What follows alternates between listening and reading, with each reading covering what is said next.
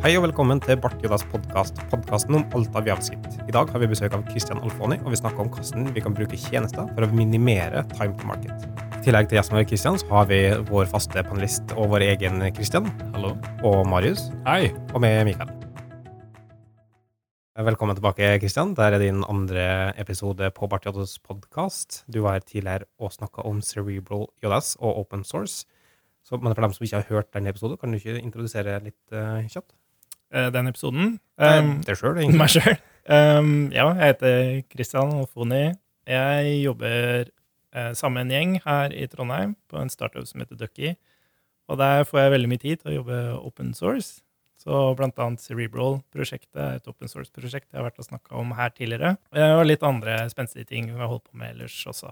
Og det bringer oss egentlig litt inn på dagens episode, for dere har da en startup og er avhengig av å kunne teste ut ting, eller være smidig i måten dere jobber på, og ikke uh, være låst til på en måte enkeltteknologier. For dere må finne ut etter en ny informasjon eller teste ut konsept som ikke funker, så må dere kunne få ut de løsningene fort. Stemmer. Vi har også veldig begrensa ressurser, så vi er avhengig av Altså vi er veldig ambisiøse med veldig lite ressurser. Så vi er avhengig av å benytte oss av tjenester som allerede eksisterer, der vi kan betale en pris i måneden Um, og så kan vi som må produsere det unike, gjøre det, da, som er app, altså front-end-biten.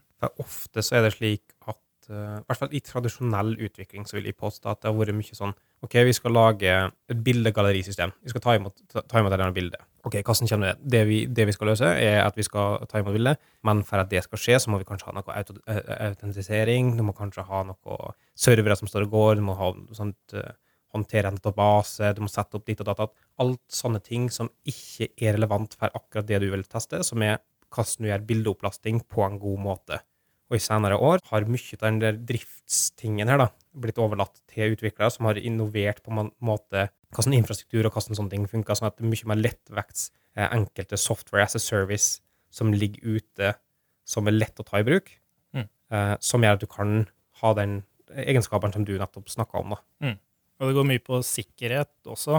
Det, vi er generelt mer ambisiøse når vi henter mer brukerdata. Og det å ha ene og alene ansvaret for disse dataene, og at eh, trafikken foregår på en sikker måte, det er veldig, veldig veldig godt å la noen andre ta ansvaret for det.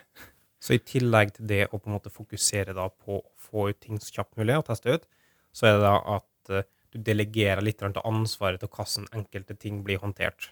Mm, stemmer rett og slett ha fokus på hva er det vi skal gjøre unikt her, eh, og hva er det som allerede har blitt gjort på en utrolig effektiv og sikker måte. Og så lar vi det foregå der. Og så er det som regel veldig, veldig god dokumentasjon på å bruke det, og veldig mye automasjon. Og det bare gjør at du jobber så sinnssykt mye raskere med det man egentlig har lyst til å holde på med. Og så får brukeren vår, eh, altså brukeren til forskjellige applikasjoner som vi lager, de får høyere og høyere krav til hvordan ting skal funke sier de bruker Facebook, de bruker Google og alle sånne ting, som har tusenvis av ingeniører som løser problemet. Og så kommer det til en enkel app som er i helt startfasen, kanskje to-tre utviklere som sitter igjen og starter på å prøve å lage. Så må de kunne konkurrere litt med måten det funker på. Og det sier selv at du kan ikke sitte og løse all den søkealgoritmen og all sånn søketing på, på egen hånd. Mm. Og så kommer det nye teknologier hele tida. Spesielt kanskje innenfor sikkerhet igjen. da tidligere med cookies, nå med JVT-tokens ja. uh, osv. Uh, og fra HTTP til HTTP2. Og det er fryktelig vanskelig å måtte holde følge med og reimplementere og uh, holde orden på alt det her, da, når man egentlig bare er ute etter hva er det sluttbrukeren skal oppleve. Så da er rett og slett løsninga at du går til noen som allerede har løst det her, og bare kjøper da enkelttjenester eller software direkte implementert, hyllevare egentlig, som vi eh, nå i stedet for å få hyllevare som du må installere og osv., så, videre, så bare sier OK, jeg ønsker å bruke det her, ferdig formålet her. Mm, stemmer. Og det finnes mange forskjellige løsninger for å få til det. Eh, de tre store, så vidt jeg eh, tenker, for sånn type software as a service, er eh, GCP, altså Google Cloud Platform, og så AWS, eh, som Amazon Web Services og Asher, som er Microsoft sin løsning på det. De er massive store som leverer liksom hele tjenestespekteret. Ja. Og så har du noen som er eh, litt mindre, eh, sånn som Heroku, f.eks. Og så har du enda mindre tjenester enn det igjen i forhold til, altså i forhold til Scope og hva de leverer, som er f.eks. Site JS. da. Egentlig, før vi går mer inn på det, så kjemper jeg at vi har ikke gått liksom gjennom eh, For det finnes en del sånne forskjellige as a service-aspekt ute der, da. Du har forskjellige nivåer av det. Du kan ha infrastructure as a service, som er et typisk eh, lavnivå virtuelle maskiner som du kan spinne opp i en cloud-setting. Og så har du eh, platform as a service, som er ferdig oppsatte servere med forskjellig software for å kjøre programmene inne på skyene. Og så har du da Ertak opp igjen, som er software as a service, som er enkelttjenester, enkeltimplementasjoner eller hyllevare som du kan bruke uten å deploye en eller annen greie, uten å bruke en plattform. Man bare bruker så det blir slags um, Kan se en litt sånn microservice-type greier. da. Det at du bruker enkeltbiter fra forskjellige ting og kombinerer forskjellige tjenester inn i din applikasjon. Mm. Og det er det som er interessant nå, hvordan, hvordan man tenker spesielt på dataene sine. Fordi hvis man bruker da, forskjellige typer tjenester, så må man plutselig begynne å spre dataene sine, duplisere dataene sine. Og man kan tenke på mange måter at det er ineffektivt. Men på den annen side så behandler man data på, den samme dataen på forskjellige måter. Og det er jo superoptimalisert innafor hver tjeneste, i det minste. Som gjør f.eks. søkemuligheter som man ikke trodde var mulig i det hele tatt på web, eh, osv. osv. Så hvis vi, vi eh, starter helt fra scratch eh, og tar det ned til at vi har en uh, applikasjon som jeg utvikla på privattida, kanskje, og ønsker bare å få ut den, sånn at uh, Marius og Kristian uh, kan sjekke det ut og gi meg litt feedback på hva som er det. Sånn at jeg bare får ut noe så kjapt som bare overhodet mulig. Jeg har ikke noe krav for lastbalansering, jeg har ikke noe krav til infrastruktur generelt. Bare få ut noe og teste det ut. Hva slags løsninger kan de gå til da? Da kan du f.eks. bruke en tjeneste som heter Seit, eh, JS, ZEIT, eh, som egentlig er en kommandolinjeverktøy. Som faktisk er så enkel at du kan bare gå inn i hvilken som helst mappe der du har en HTML-fil og noen javascript-filer du, du, inkluderer i den indeksfila. Og så skriver du 'now' og trykker enter. Og så spinner den opp en instans for deg på en vilkårlig URL innenfor den tjenesten, selvfølgelig. Og så kan du dele den umiddelbart, da. Og det koster mye penger, eller hva? Altså, er det dyrt? Det koster eh, ingenting for den graden av funksjonalitet, da. Mm. Og så belager de seg heller på det at de um, tilbyr domeneregistrering. Jeg tror generelt så er det dette med enkelhet som har vært så fremtredende nå i den siste tida. Og i den tjenesten her, for eksempel, så rett fra kommandolinja så kan du putte et domene da, på tjenesten din. Av dem i hvert fall som jeg eh, tenker på når jeg tenker på Platform as a Service, som det her blir, da, så er det en av de nyere, og de har vært ganske mye i søkelyset i, i hermetegn. Og når de er da så nye, så får de kanskje muligheten til å gjøre mange ting enklere enn, enn se på liksom konkurrentene sine og gjøre det superenkelt. Eh, og dette er det samme også, som er ganske aktivt i open source-miljøet. De har vel annet den Hyper-terminalen, som er en elektronbaserte terminal som kryssplattform. Og så har du NextJS, som de lager, som er en sånn React uh, scaffolding-prosjekt-type uh, rammeverk. Og gjennom alt det her så har de blitt ganske tydelig, og mye, mye fokus. Så det virker som en sånn trygg teknologi å satse på for framtida, sjøl om de kanskje er ferskest i mm. gamet. Absolutt. Det her er utrolig smarte folk som har vært i bransjen i mange år, og de vil rett og slett bare empowere utviklere. Så hvis man ser det litt sånn baklengs, da Altså hvis man tenker Amazon som er Jeg vet ikke om dere har testa det, men jeg husker å prøve det første gang, og jeg, jeg, fikk det rett og slett ikke til. Det er bare dashbordet. Alt er veldig komplekst å sette opp. Og så får du tjenester som Heroku, da, som vi kommer litt nærmere inn på etterpå, som gjør dette litt enklere og så har du da andre typer tjenester, som Site igjen, som bare gjør det enda enklere. De bare putter det i fingerspissen på utviklerne. da. Så det er bare helt vanvittig hvor enkelt det er å, å få noe ut. da. For, for det du snakker om, du, Hvis du skal inn på enten Asher eller AVS og GCP, og for så vidt, eh, det første som møter er et hav av lenker som gjør all slags mulig ting. Men sånn, de er generelle, de er mye større. da. De løser mye mye mer enn det Site gjør. Eh, så de har fleksibiliteten til å gjøre alt som mulig. Men grensesnittet på dem er notorisk irriterende for, for, alle som har noe med det å gjøre. De finner aldri fram når de skal inn på Asher. Så det at du gjør det så enkelt, og at du igjen via terminal, så kan automatisere det og sånne ting òg. Er jo gull verdt hvis du skal prøve å bare bruke det på en sånn lettvektsmåte. Mm. Og det man også ser, at man bygger på hverandre. Og det er i hvert fall min erfaring at det stort sett er noe Amazon-greier i bånn. Og så lager man abstraksjoner. Så er, man kan sammenligne med kode egentlig, og verktøy. Vi lager abstraksjoner for å gjøre ting enklere og lage mer kraftfulle ting. Og det er akkurat det samme som skjer på tjenestefronten. da. De bygger abstraksjoner oppå hverandre for å gjøre det så enkelt som overhodet mulig for oss som utviklere, og bare get shit done. Og eh, som du sier, bygger opp på hverandre. Og du så det nå når DNS-serveren til AVS gikk ned, så gikk den nesten halv vinterrett ned. Til og med, det var rett at en, en Bartidas podkast kom ut, og folk fikk til å streame den fordi at det, det var DNS-trøbbel med AVS. Det er nå en uh, god, god indikasjon på at ting bruker mye av det i bunnen. Absolutt. Og jeg husker jeg satt i kjelleren med en sånn uh, Windows NT-server, og jeg klarte å liksom sette opp et domene lokalt i kjelleren. da. Jeg husker ikke hva jeg kalte Olebrum.com, tror jeg det het. Jeg husker ikke hvorfor det skulle være akkurat det. Men det var liksom Brukte masse, masse, masse tid på det. Og da hadde jeg ikke begynt på noe produkt engang. Så ja, den tida der man har servere i kjelleren, den tror jeg er langt forbi, altså. Bygger Site JS også på Amazon, eller? Det er jeg faktisk ikke helt sikker på, men eh, jeg tror det. Ja. Selv om det kan være en ulempe, så er det jo også en fordel, for da vet du at det, det, sikkerheten er på plass, den fysiske sikkerheten. da. Absolutt. Jeg tror de er ganske De er jo helt enorme, og det her med serverparker og Jeg tror det er veldig lett å, å, å belage seg på de, og de har erfaring med å levere serverinfrastruktur til andre tjenester. Så skulle man starte en ny tjeneste i dag og gjøre det enkelt å fyre opp apper og sånn, så er det å belage seg på Amazon som er eh, en god vei å gå, tror jeg. Men vil man da kunne bruke enkelheten til SiteJS og få konfigureringsmulighetene til AVS i bunn? Det er vel egentlig det som er eh, Hva er ambisjonsnivået på appen din?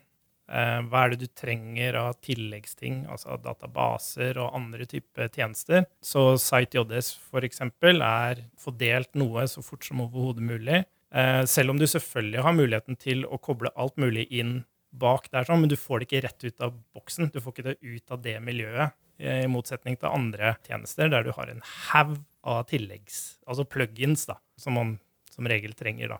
Det er jo veldig greit å kunne starte veldig enkelt, for så eventuelt gå dypere og mer avansert på et tidspunkt man eventuelt har behov for det.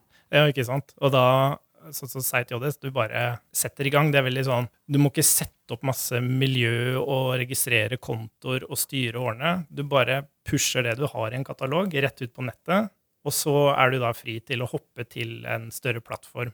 Eh, I motsetning til hvis du begynner på én plattform og flytter til en annen plattform. Det kan plutselig blir fryktelig skremmende. da. I stor grad så funka det også ganske bra på Heroku. Det er typisk tradisjonelt sett. Har du, et, eh, du har en fil som sier hva slags kommando du skal kjøre, så den bruker for å identifisere hva slags type applikasjon du har. Men den støtter da mange andre ting å deploye. Det kan være eh, Node.js-app, det kan være også, eh, Java, det kan være Python osv. osv. For øvrig er det, er det støtte for andre ting enn Node på site. Altså er den agnostisk til teknologi. Det er et veldig godt poeng. Site er et node. Eh, det er node. Mm. Um, så du har en, på en måte en begrensning der, men samtidig et enormt fokus på at det skal være en helt rå opplevelse. da. I motsetning til Heroku, som du sier, der du har forskjellige, forskjellige muligheter. Men Heroku er noe som har eksistert i ganske, ganske mange år. Sikkert ti år, hvis vi skal tippe. Og de løser mange på en enkelt. Men det er jo sånn typisk, de, de tilbyr ikke infrastructure as a service, men de tilbyr platform as a service. Mm. Så de fokuserer på å få deploya ut appen kjapt, men du kan velge hva slags type det skal være. Typisk så har du, som jeg sa, en sånn proc-file som sier eksempel at dette er en eh, Node-app. eh, Start eh, Node-server, eller start et eller annet prosessmanaging system der. Mm. Og så når du da pusher det på en Git-branch, en remote branch som ligger på Heroku, eksempel, eller du kan sette opp andre, men det er noe litt på sida til det, så kjører en sånn buggescript og, og deployer den ut og for. Så det er litt mer hassle enn side. Mm. Typisk sånn som jeg bruker Heroku masse. Og da er det å sette opp et, da setter jeg opp et repo først, bygger appen min, og så kan jeg bare sette opp en konto på Heroku, koble til det Git-repoet, og så trykke på deploy. Og så spinner det opp. Men det er som du sier, du må ha litt konfigurasjon. Og kanskje det største problemet med Heroku det er å forstå det her hvis du skal ha en, en webserver. Det er med porten. Mm. Altså det er sånn, Jeg husker når jeg begynte med Heroku, jeg bare låste meg helt fast i at jeg fant ikke ut hvilken port jeg skulle bruke, og måtte grave i dokumentasjon for å finne ut av det. da. Noe som, i, som Site, eksempel, den driter i hvem port du Mm. er på. Den bruker den porten og ruter deg automatisk for deg. da. Og det er sånne ting som, avhengig av hvilken erfaring du har, så er det veldig veldig greit å bare begynne med Site, for eksempel, for det bare funker. Du Mm. trenger ikke å gjøre noe. Men igjen da, så har du jo masse masse, masse andre muligheter med Heroku. da. De hadde en, de hadde en eh, artikkel for sikkert fem år siden nå, som heter 12 Factor App, som går gjennom de forskjellige steg som du kan følge for å bygge opp arkitekturen i applikasjonen din for å passe inn i et horisontalt skalerbart miljø som Platform as a Service, der du kan spinne opp nye noder. Og mye av det fokuset der er nå annet det med eh, statelesshet i, i applikasjonen din, men òg det at du må injisere eh, konfigurasjon via miljøvariabler. Og jeg antar at på en måte, litt av det er motivasjonen for å få importer. For det er det vi får import sant, via, via, via en eh, miljøvariabel Mm. i, til, til Roku. Det er fordi den skal kunne spinne opp forskjellige typer noder og skalere det i, i større grad. Da. Så her kan du si at ok, nå for eh, neste timen så trenger jeg tre servere som står parallelt. Og så fiksa, fiksa på en måte Hvis du følger de 12 factor app-prinsippene til Heroku, som, som de har skrevet om, så vil applikasjonen din kunne skalere på den horisontale måten der, og for midlertidig øyeblikk takle kjempemye system. Mm. Og får du større behov, så kan du skalere opp det. Du kan til og med også sannsynligvis, eh, hvis du husker rett, sette opp sånn at den skalerer automatisk ut ifra at den får større og større behov. Ja, det er et veldig godt poeng at hvis man har store ambisjoner for appen sin, og man vet at der kommer det inn mye trafikk etter hvert, og det å kunne bare trykke på en knapp, sprette opp et par ekstra noder, eh, gjøre de kraftigere, kanskje ha én node som skal jobbe med noe intenst, eh, bearbeiding av data eller noe sånt, du bare du setter alt det her opp på én plattform, da. Eh, og det er veldig, veldig, veldig enkelt eh, når du først kommer forbi den konfigurasjonsbiten av det. da. Mm. Og det er bare en liten shout-out hvis man skal bruke Heroku når du snakker om environment-variabler. Sett node n til production. Det kommer til å brenne deg på den hvis ikke. Eh, alle som bruker moderne rammeverk, i utgangspunktet burde ha eh, Node N til production. Mye buggeskipt bruker det i utgangspunktet for å kjøre om koden din skal ha performance metrics osv. Eksempel hvis du bruker React, og du ikke har eh, Node N production og buggesystem som injiserer det i build-pipelinen din, så vil du ende opp med mye developer-kode uh, som kjører som er mindre optimalt. Da. Mens hvis du har som production, så tar den også dead code eliminator mye av den greia, sånn at det blir både raskere og det blir mindre bundle size osv. Så, videre. så det er et godt tips da, uansett. Ja, typisk da Heroku så har du jo gjerne en sånn Hvis node n er Mm. lik production, så skal du bruke porten fra Heroku, eller så skal du bruke 3000. Og så skjønner du ikke hvorfor ikke du får kontakt med appen din. Det som er et problem, eh, har jeg opplevd med Heroku, i hvert fall, er at eh, den, eh, du er avhengig av noe bøggesteg imellom der. For at enten så må du sjekke inn eh, i repoet dist-filene dine, eller så må du ha en custom sånn build-pack til Heroku. Og hvis du har en custom build-pack Jeg har ikke utelukkende positive erfaringer med det, og det tar lang tid å bugge koden din gjennom det. Mm. For du må drive og laste ned. Det har ikke noe sånn inkrementell bugging i, med gode casher på NPM for å dra ned det, og bugge dist-koden din. Så det tar litt tid, da. Ja, det kan absolutt ta litt tid. Altså. Min erfaring er at jeg kjører byggeskripta på, på Heroku. Eh, og de, de casher faktisk eh, MPM-dependencyene dine. Ja, du har dem i et sånt felles eh, cache-lager, ja. Men, Ja. men, men bugginga av ION tar fortsatt en del Ja. uh, ressurser. da. Det er absolutt det. Så det har jo selvfølgelig med størrelsen på prosjektet, da. Uh, hvor mye arbeid som ligger der, og hvor viktig det er for deg å få det ut. Men de har òg en sånn pipeline-funksjonalitet som kom for et par år siden, men med litt mer sofistikert måte å gjøre det på. Jeg vet ikke om du får til litt noe der, eller? Jeg har ikke testa det så veldig ek ekstensivt. Jeg bruker det faktisk på en av prosjektene jeg har, det er Webpackbin-prosjektet. Mm. For der er det flere prosjekter som jobber sammen. Men jeg har bare brukt det for å få oversikt, ikke Ja. noe sånn innarbeida pipeline-funksjonalitet. Hva er egentlig Heroku pipeline, da, mens vi snakker om det? Det er det at du skal kunne sette opp eh, flowen av deployer. At du får oversikt over staging-miljø, og du skal automatisere. da, Gå fra liksom, ny kode til staging til produksjon. da. Men du kunne ha fint å koble til, hvis du så at det blir behov, sant? igjen det med time to market, da, at uh, du starter med å, å ta ting på Heroku, og så bare ha en build pack som kjører ting der. Ser du at prosjektet vokser, ser du at det blir større, ser du at du får større behov, så kan du utvide til å bruke et eller annet eh, buggesystem, da. Travis eh, CI eller eh, Jenkins eller Teams, hva enn du vil ha, til å bugge koden, og så har den ansvaret for å deploye via Heroku. Mm. Så kan du skalere opp etter hvert som du får de behovene, så får du får de utfordringene, for å fokusere på det eh, for tidlig. For I starten så er man kanskje ikke så nøye på at alt fungerer. Men når du kommer til det punktet og føler liksom at okay, nå har man et ansvar for brukerne sine, um, så kan det være en god idé å bruke sånn som Travis, f.eks. Og det integreres veldig godt da, med Heroku, for da kan du si det at uh, ok, jeg kobla til den branchen her. Når uh, Travis er ferdig og testene passerer, da erstatter du appen som er der nå, med den nye. Og det er også kanskje et ting som kan nevnes, at uh, disse tjenestene passer på at ikke du får noen nedetid. Det er ikke sånn at de tar ned den ene appen din, og så bygger de og styrer og ordner, og så setter de den opp igjen. De får det her til å gå helt uh, sømløst. da. Men da er igjen litt tilbake med det med 12 factor app igjen, at det forutsetter at du bygger opp ting uh, stateless. Hvis du ikke har det stateless, så blir den overkoblingen der uh, ikke så smooth, for du kan ikke bytte ut ting gradvis. Uh, Si at du har sessions som blir lagra på serveren din, så er det ikke trivielt å bytte ut den og gi dem ny URL og sånne ting. Altså, du må ha et konsept om det, da. Absolutt. Vi kan nå egentlig snakke litt om det med Travis, eh, og hva det er. Det er noen eh, kontinuerlig utrullingsmekanisme der du kan kjøre testene dine, og det er en sånn gratis for open source-prosjekt, og det blir mye brukt i javascript-verden. Mye brukt i hvert fall til open source-prosjekter. Så der kan du typisk bygge ting, sjekke at alt eh, funker. Du kan eventuelt kjøre linting, du kan kjøre testing, du kan kjøre eh, forskjellige typer testinger. Og, og så videre. Du kan velge om du vil kjøre det på Linux, du kan også kjøre det på Mac, tror jeg, Mm. og så videre. Så du kan teste det på forskjellige plattformer sånn sett òg.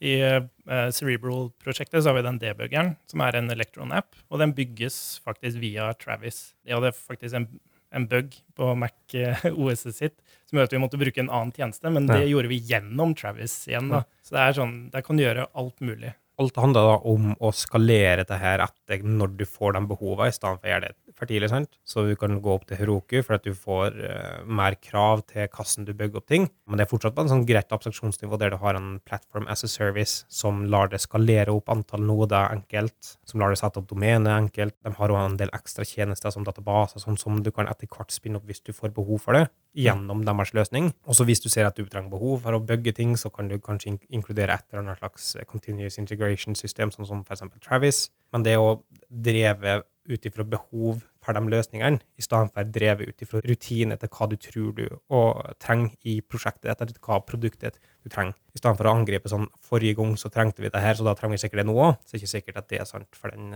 for den her, da. Nei, det der er, det er vanskelig også. I hvert fall min erfaring er Det er litt det derre hvis du har valgt Heroku da, som plattform, og så plutselig trenger du Ikke plutselig, da, du har kanskje hatt en idé om det allerede, men du har ikke vært helt sikker. Så velger du Heroku, da, men så trenger du notifications på mobiler, f.eks. Jeg har ikke noe kjennskap til at Heroku har noen tjenester som løser det elegant. Men da har du andre plattformer igjen som har disse tinga veldig tett integrert. da. Og det er kjipt, da. Det er liksom hva innpå i stad. Hvis du først velger én plattform, og det å hoppe til neste, det kan være mer problematisk. da. Men det, det, er, det er vanskelig, for det, det er problematisk å bli for overambisiøs også, fordi det kommer med en kost, da. Det Mm. å, å velge større plattformer. Men samtidig så er det drita kjipt, da, hvis du ikke har vært ambisiøs nok. Ja, for hvis du skal ha eksempel eh, push notifications, så har du en egen software service som, som eksempel Pusher, som kan løse det ferdig, som du kan hooke inn på den eksisterende applikasjonen din. Da. Og det er en det vi snakker om, er at du komponerer forskjellige sånne biter, som vi òg kommer til å komme litt mer inn på.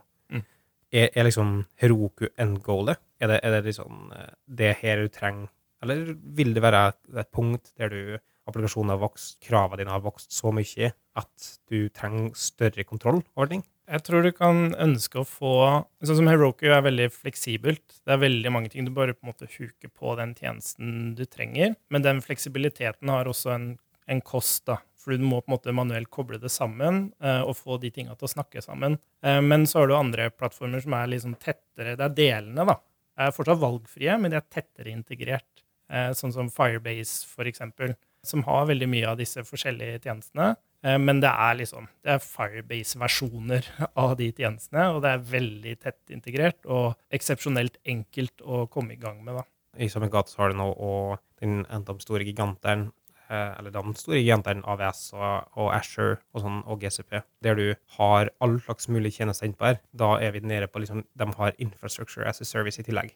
Så i tillegg til å være en PAS-leverandør med forskjellige webservere og sånn som du kan spinne opp enkelt, så har du òg at du kan ta ned og få VM-er. Du kan kjøre opp ting sånn som det der eh, hvis du trenger det. Men så har de òg ting som er ekstremt lettvekst, sånn som functions, som ofte da blir referert til som serverless. Eh, kan du forklare litt rundt, rundt det? Ja, egentlig så er det veldig Det at de kaller det for functions, er litt mer beskrivende enn serverless, egentlig. For det er i prinsippet bare en funksjon som trigges av et eller annet. Personlig har jeg mest erfaring med Firebase functions, altså deres serverless-konsept.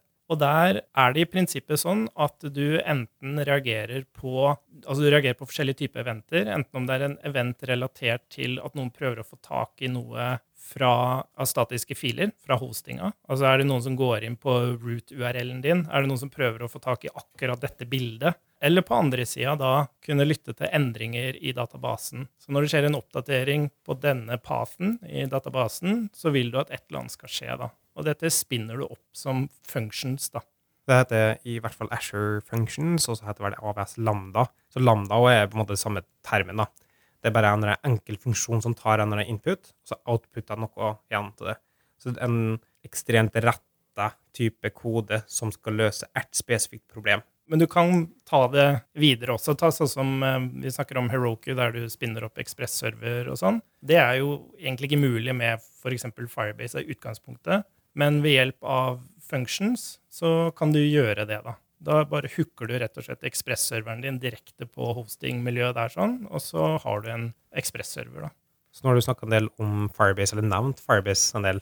Kanskje vi skulle tatt en liten forklaring på hva, hva er det for noe i, i den verden her? Firebase tror jeg er relativt kjent sånn som det var, i hvert fall. Og det er en type database, en eh, dokumentdatabase, som betyr at det er rett og slett bare en haug med objekter. Det som kanskje gjorde Firebase spesielt populært, var realtime-funksjonaliteten. At du bare eh, lytta til forskjellige paths inn i, inn i, databasen. Og når det skjedde endringer på de, så reagerte klientene på det. da. Og de var også tidlig ute med eh, gode autentiseringsmuligheter. Mm. Men så ble de jo kjøpt opp av Google. Så Google har jo satsa enormt på å finne et sett med tjenester for moderne webutvikling, eh, der Firebase er databasen. da. For det du sier, det er det jeg mest kjenner Firebase som, og kanskje fordi det var, da, det var slik det var når det først kom, men en slags eh, backend as a service, der du kan delegere hvert litt av ansvaret med CRUD-håndtering, altså create, read, update, delete-håndtering. Sånn oppdatere dokument, lagre, slette dokument, håndtere all den innholdet på den der. da. Mm. Så gjør det på en lettvektsmåte i stedet for å implementere det sjøl på mm. din applikasjon, så kunne du bare ha brukt API-en deres til å hente ned ting, og potensielt ikke ha noe server på klienten din i det hele tatt. Ja, det stemmer. Det er kanskje det som er mest interessant med det, er at du kan bare putte ut noen statiske filer. Så potensielt kunne du hatt det på en CDN, da, Content Delivery Network, der ja. du bare distribuerer ut det automatisk med skalering rundt omkring i hele verden. Ja. Og man tror, tenker liksom, er det, er, Hvordan kan det fungere? Altså, Kan hvem som helst lese og skrive til databasen? og sånne ting? Men det er, det er overraskende hvor godt det fungerer når man setter seg inn i det. For de har et, et regelsett som man setter på de forskjellige banene, der man sier f.eks. at hvis keyen på denne pathen tilsvarer autentiseringskeyen da, på den som prøver å nå disse dataene, da skal det være lov å, å lese eller skrive, f.eks. Og det gjør at du må tenke veldig annerledes enn det man er vant til. Men det er helt utrolig hvor langt man kommer. Og så er det dette at det, eh, det er real time, og det er ekstremt fokus på altså, Hvis det skal leses mye, så mye data som skal leses, og det skal være real time, så er, eh, så er det en type datastruktur som fungerer veldig godt. da. Sånn at når du da har oppe en nettside med det, og Marius har oppe samme sida, så kunne dere ha chatta uten å drive og refreshe, men alt bare oppdaterer seg automatisk. Ingen server, Eh, den er automatisk sannsynligvis av WebSockets connection opp til um, Firebase sine servere, mm. som dere kommuniserer over. Uh, og alt det er lettvekst uten å sette opp noe. Du kunne distribuert ut en statisk HTML-side med litt javascript, og det kunne fungert overalt. Absolutt. Jeg tror det er viktig det du sier der, at det, går på websockets. Tradisjonelt når man snakker med en database via en server, så er det jo vanlig HTTP. Og da tenker man veldig mye på antall requester man gjør inn til serveren. Mens med websockets så, så tenker man ikke det. Det er bare gå og ta de dataene du trenger. Um, men det igjen, da, så kan du ikke gjøre type spørringer. Sånn som jeg ønsker å spørre om alle brukere som har det og det og det. Det, det kan man ikke gjøre. Og det er litt sånn OK, hvordan løser jeg det? Men igjen så kan du gjøre veldig veldig mange flere spørringer uten at det koster. Så hva om vi skulle ha lista opp eh, historikken mellom samtalen til, til du og Marius? Hvordan ville du da gjort det? Hvis jeg skal hente opp eh, historikken til samtalen Ja, Lista ut alle meldinger som har skjedd? på Slack, f.eks. Ja, eller hvis du hadde brukt Firebase da, og fått opp bare eh, Hvis du ikke har noe query language, hvordan som du hente ut den informasjonen som har skjedd før? Da er det f.eks. Man bruker veldig mye dato. Det, man har et bitte lite query language der. Mm. Så veldig mye av det går på at du må lagre data som hjelper deg å hente det ut igjen. Da. Og da ville det typisk vært at enten så ønsker man bare å hente de siste ti, f.eks., eller at du baserer det på en dato. Da. Og da spør man spesifikt om det. Det som blir vanskeligere, er relasjoner. Sånn at vi har en samtale, og så var det kanskje relaterte tema som ligger lagra et annet sted. Da må man faktisk hente ned de samtalene, og så gå og hente de temaene i klienten da, eh, manuelt. Men det går, og det er ikke ideelt, altså i forhold til hvis dette er det appen din gjør, så er det kanskje ikke Firebase det beste, men det går overraskende fort med tanke på at det er eh, WebSockets. da. Mm. Og så er det det du snakka om, da, at det her blir en dokumentdatabase-type tilnærming på det, ikke en relasjonsdatabase. Så hvis du har et problem som har mange relasjoner, hvis du har en applikasjon du lager som har mange relasjoner, så er det ikke sikkert det å passe det inn i en sånn dok dokumentverden er det beste valget, da. Eller om du har grafdata, så videre. Mm. Nei, ikke komplekse relasjoner.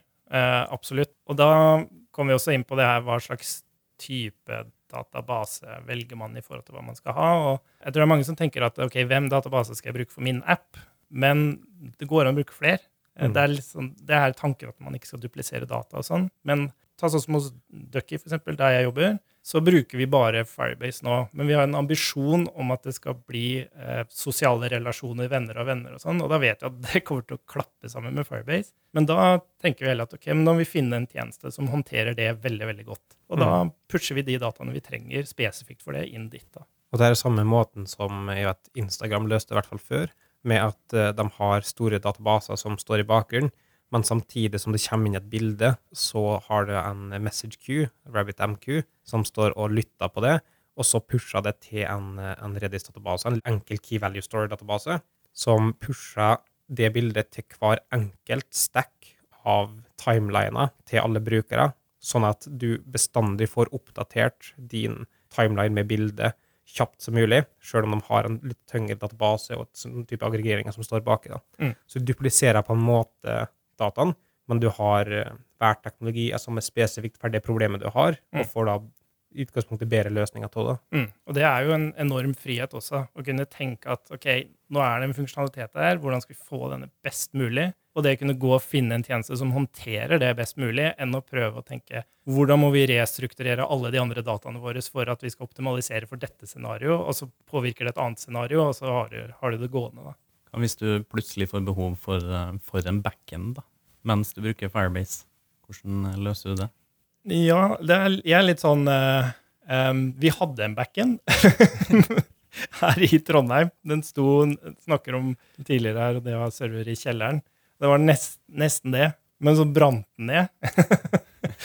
så, og det var også med på liksom, vurderinga hva gjør vi nå. Men én ting vi gjør nå, eksempel, er Vi var veldig avhengig av Firebase. Alt skjedde på Firebase. Mens nå går vi mer mot Heroku igjen.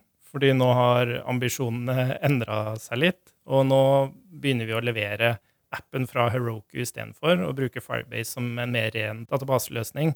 Eh, Jeg tror i hvert fall for vår del, Ducky, så tror jeg vi har ikke kompetansen til å sette opp vår egen backend. Og jeg har ikke noe Men, tanke om at det er fordelaktig for oss, i hvert fall. men du, du kan ha fortsatt en backend, altså en server, eh, klientløsning, der serveren din ligger på public cloud. Du kan ha en Express-server som er backenden din.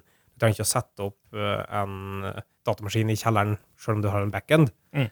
Men uh, når du da får det behovet, så kan du route liksom, trafikken fra Firebase. Du kan fint kommunisere fra en server til Firebase som fra en klient til Firebase. Mm. Så det er bare å innføre det. Si at du hadde hatt en eh, CDN-løsning, da, der du bare legger ut en statisk HTML-fil på en CDN-nettverk. Så innfører du en server, så vil du ha en statisk filserver der, og så kan du gå via API-er på den serveren. Det lar seg nå på en måte skalere opp ganske naturlig, tror jeg. Du kan jo gå, gå andre veien òg. Jeg husker du snakka om det på meetupen, at dere gjorde det på en litt annen måte. Ja, stemmer. Og det er egentlig fint du tar opp, for det er også kanskje en tanke fra gamle Firebase. At eh, hvis du skal snakke direkte med databasen, hva gjør du med business-logikken din? Og nå har vi snakka om, om, functions. Eh, men du må ikke gå dit. Det er som du var inne på, at man kan spinne opp en Node-server som er en sånn slags servicekonto for den Firebase-serveren, eller Firebase-instansen. Og da kan klienten snakke direkte med Firebase og opprette det man kaller for tasks. Det er, egentlig bare en beskrivelse av noe som skal skje. Og så kan da eh, instansen på Heroku, en helt vanlig Node-server, lytte til den lista med de oppgavene og utføre funksjonalitet, som da igjen putter data tilbake i databasen, som da oppdaterer seg hos klienten igjen. Så du er helt sånn frakobla klient og tradisjonell backend, men du bruker Firebase som en meldingsmekanisme. Da. Så det er en slags, eh, er en slags MapReduce-funksjontype som aggregerer opp informasjon som det har, og lagrer det på en ny projisert måte, da, som potensielt aggregert som direkte bruk fra klienten din. Mm. Så du kan ta eksempel i Ducky så har man da man logger en aktivitet. Og det, da sendes det bare informasjon inn i Firebase. At ok, nå logge, ble det logga en aktivitet. Hvem bruker er det som gjorde det? Hvilken aktivitet er det man logga? Og så plukkes den opp av en spesifikk prosess i en Node-server som kjører masse logikk i forhold til hva, hvilke data skal påvirkes av denne logginga, laget ditt skal få poeng, eh, osv., osv., osv. Og så oppdateres disse dataene.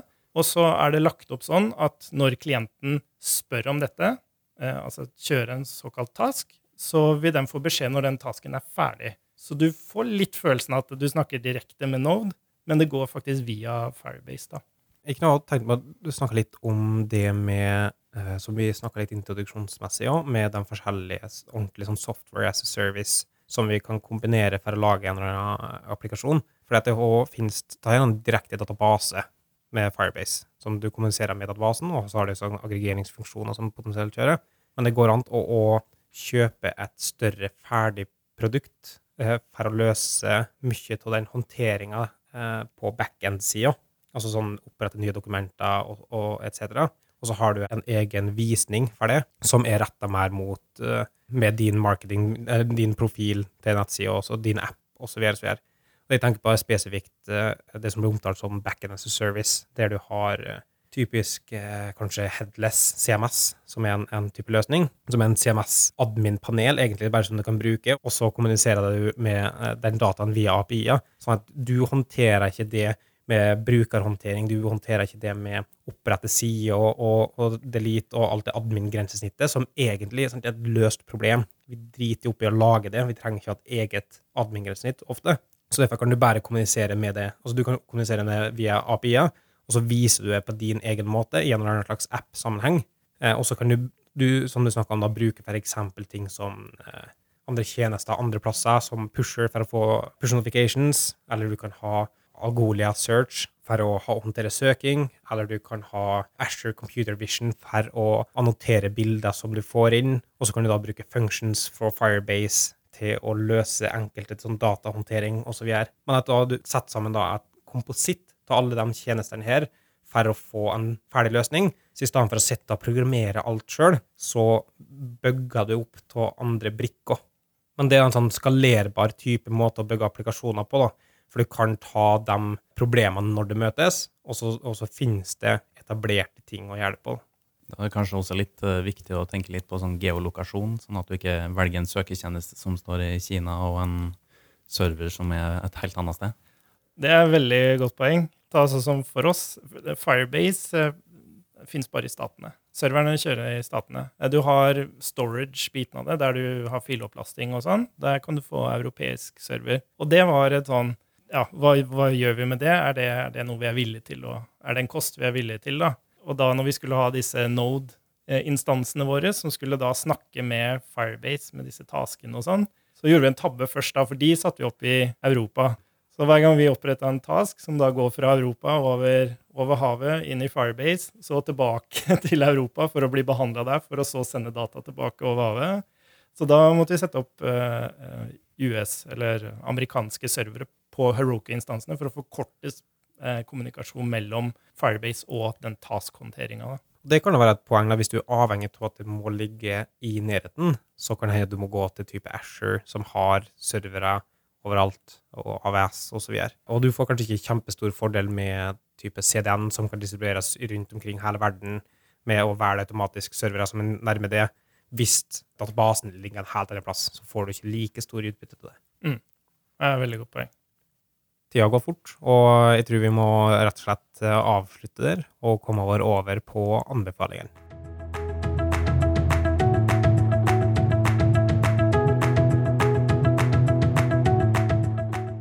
Kristian med K. Har du, har du, tatt med noen anbefalinger til dagens episode? Det har jeg. Eh, denne gangen her så har jeg faktisk en React-anbefaling. Nei. Jo. Er det sant? jeg, har, jeg har, lest en artikkel om, eh, som heter 'React is slow, React is fast'. Optimizing React apps in practice. Den syns jeg var veldig, veldig grei intro til hva det er som, eh, som, er viktig å tenke på i React når du har en litt sånn medium size app og skal begynne å optimalisere den litt. Trenger man generell React-kunnskaper for å forstå det som står der, eller funka det uten? Jeg har aldri brukt React, og jeg greide jo å sette meg inn i det. Så sånn sett så trenger du kanskje ikke så veldig masse erfaring med React. da. I tillegg så har jeg lest en artikkel om uh, Angler, den heter da 'Building Maintainable Angular Apps' og er egentlig en sånn liten samling med sånn tips til hvordan man kan bygge en maintainable app. da. Uh, lage minst mulige komponenter og strukturelle og mer uh, avanserte komponenter og prøve å skille dem litt fra hverandre. og sånt. Egentlig litt, litt det samme som man gjør i React-verdenen. Marius, anbefalinga i dag? Ja, siden den podkasten kommer ut en gang i måneden, så tenkte jeg at eh, de som hører på, kanskje har lyst til å fylle oppholdet med litt en annen podkast, som òg handler om uh, javascript, eller frontend generelt. Og den podkasten heter for Frontend Happy Hour. Jeg vet ikke om noen av dere har hørt på den før? Det har jeg hørt på en del, ja. Og, og vi har nå diskutert det konseptet en del, du og jeg. Ja, vi har diskutert det, men vi har aldri gjort noe av det. Mm. Eh, konseptet, for dem som ikke har hørt på Frontend Happy Hour før, så definerer de et keyword i starten av episoden. Og hver gang det keywordet blir nevnt, eh, så må alle ta en eh, må alle drikke. Så det, så det er en, en eh, podkast for voksne? Det kan man egentlig si. Men jeg vil skryte av redigeringa, sånne ting som jeg setter pris på. Den, den flyter veldig godt, sjøl om man gjerne ikke skal tro det, i og med at det er alkohol involvert. Og det er eh, mai-juni-perioden som har gått siden forrige episode, og det betyr eh, wearables. Så min anbefaling er at eh, man sjekker sjekke ut videoen fra årets Webrables som ligger ute på YouTube. Kristian, har du, og da er Kristian med CH, har du noen anbefalinger med det i dag? Ja, et par stykker. Jeg ville anbefale å sjekke ut uh, Vi har om Firebase. Jeg vil anbefale å sjekke det ut. Det er veldig god dokumentasjon, men det er fortsatt ikke helt tydelig hvordan man setter ting sammen der. Men jeg har rota rundt det en stund nå, så hvis du har noen spørsmål, så kan du bare stille til meg på Slack-kanalen til Barth JS. Som du finner på slack.partidas.io. Og så har jeg eh, jobba med et lite prosjekt. Vi eh, på Ducky jobber med å refakturere plattformen til eh, PVA, Progressive Web Apps. Og rota masse i service worker og cashing og notifications og hele sulamitten. Og valgte å bygge mitt eget prosjekt rundt det for å utforske den teknologien. Så jeg eh, lanserte Beta, en tjeneste som jeg kaller for jsblogg.io. Eh, som er rett og slett en eh, bloggetjeneste for javascript, for javascript-utviklere. Den har til og med en terminal og sånn idétemaer og sånn. Det er ganske kult. Men hvis du er interessert i hva, hva, man kan gjøre med den teknologien, så er det et eksempel på hva man kan få til. da. Hva tenker du om at til tross for nye oppdateringer med, med Safari, så har de ennå ikke endra under consideration fra Service Workers. Eh, på IOS, tenker du på? Mm -hmm. Ja, Nei, det er jo ikke overraskende. Det syns jeg er litt kjipt. Eh, måten vi løser det på eh, hos Stucky, er at vi bruker gamle, herlige AppCash-manifestet for å få noe av funksjonaliteten. Mm. Og det, det, er litt sånn Jeg besøkte den teknologien for noen år siden, og det var et helvete.